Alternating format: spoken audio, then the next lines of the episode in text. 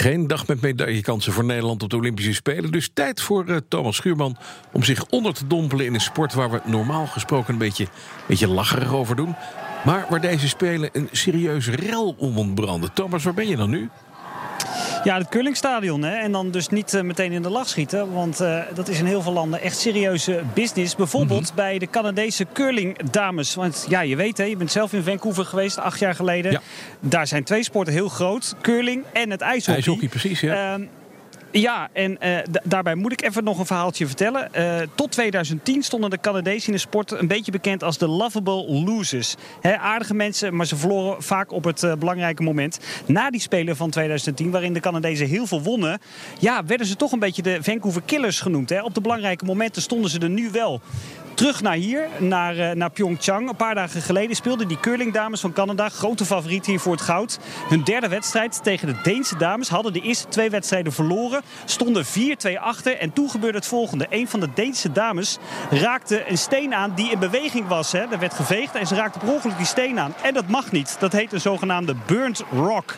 Dan mag de tegenstander, Canada in dit geval, mag drie dingen doen. Eén, ze mogen het negeren. Twee, ze mogen de stenen zo neerleggen zodat ze, zoals ze gedacht hadden dat die zou neerkomen. Mm -hmm. Of drie, ze kunnen die steen eruit halen.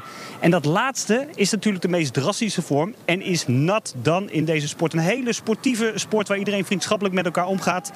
Ja, en je raadt het al. Ze haalden die steen eruit. Ja.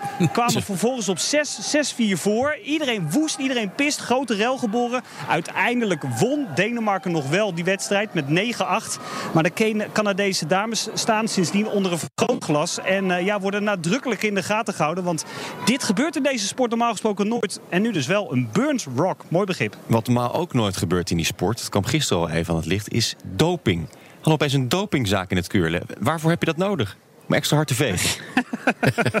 ja, weet jij het? Ik, ik heb geen idee. Joh. En dan is het natuurlijk ook nog met een Rus. Hè. Er zou wat in een flesje gespoten zijn, meldonium. Hè. Daar gaat het om, waar de. Russen natuurlijk al wel vaker mee in verband zijn gebracht. Ja, zeer opmerkelijk feit natuurlijk. Maar ja, zo, zo merk je maar, het curlen leeft hier in Pyeongchang. Ja, zeg dat, je, je bent daar nu dan in dat stadion. Uh, staan de Canadese dames nu tegenover wie en hoe gaat het? Ja, ja, staan tegenover China. Een van de drie wedstrijden die hier bezig is. Ze hebben het eerste end verloren met 2-0. Maar het gaat over meerdere ends. Hè. Het gaat over 10 ends. Moeten die stenen de hele tijd van de ene kant naar de andere baan gebracht worden. Ja. Dus het duurt nog wel even voordat de Canadese dames hier wel of niet gaan winnen. Maar ze staan er niet goed op. Nee, mooiste hebben onder één zool een soort, soort slipprofieltje waarmee ze kunnen, kunnen glijden. De andere kunnen ze weer afzetten. Ik heb het één keer geprobeerd ja. en ben toen bijna onderuit gegaan.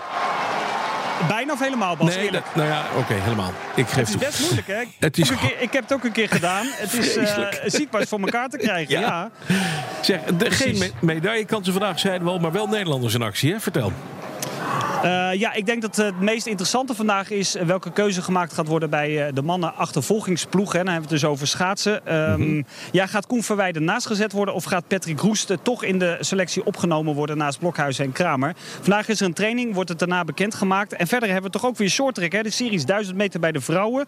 Drie Nederlanders doen mee. Schulting van Ruiven en van uh, Kerkhoff, die natuurlijk al een zilveren medaille won. En de mannen 500 meter. Shinky Knecht, gaat hij er doorheen komen? Moet er haast wel. Ja. Breusma en Hogewerf. Dus uh, er is wel uh, degelijk uh, oranje boven vandaag, maar nog niet wat betreft de medailles. Nou, lekker borstelen nu eerst. Dankjewel, Thomas Schuurman vanuit Zuid-Korea.